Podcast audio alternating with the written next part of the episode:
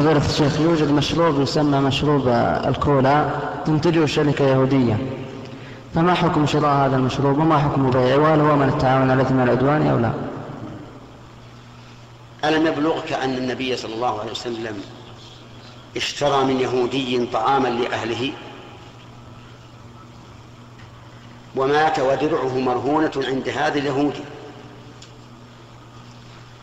ألم يبلغك أن الرسول عليه الصلاة والسلام قبل الهدية من اليهود؟ وألم يبلغك أن النبي صلى الله عليه وسلم أجاب دعوة اليهودي ولو أننا كنا لا, لا نستعمل ما صنعه اليهود أو لا نأكل ما صنعه اليهود مما لا يشترط فيه الزكاة. لفات علينا شيء كثير. في سيارات الآن ما يصنع إلا نعم إلا اليهود. صحيح أن هذا الشراب قد يكون فيه بلاء يضعه اليهود لأن اليهود غير مؤتمنين.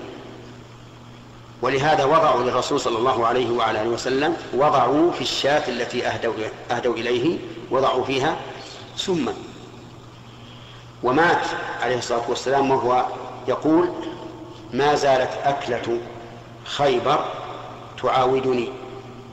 وهذا أوان انقطاع أبهري. يعني موتي. ولهذا قال الزهري رحمه الله إن النبي صلى الله عليه وسلم مات بقتل اليهود له.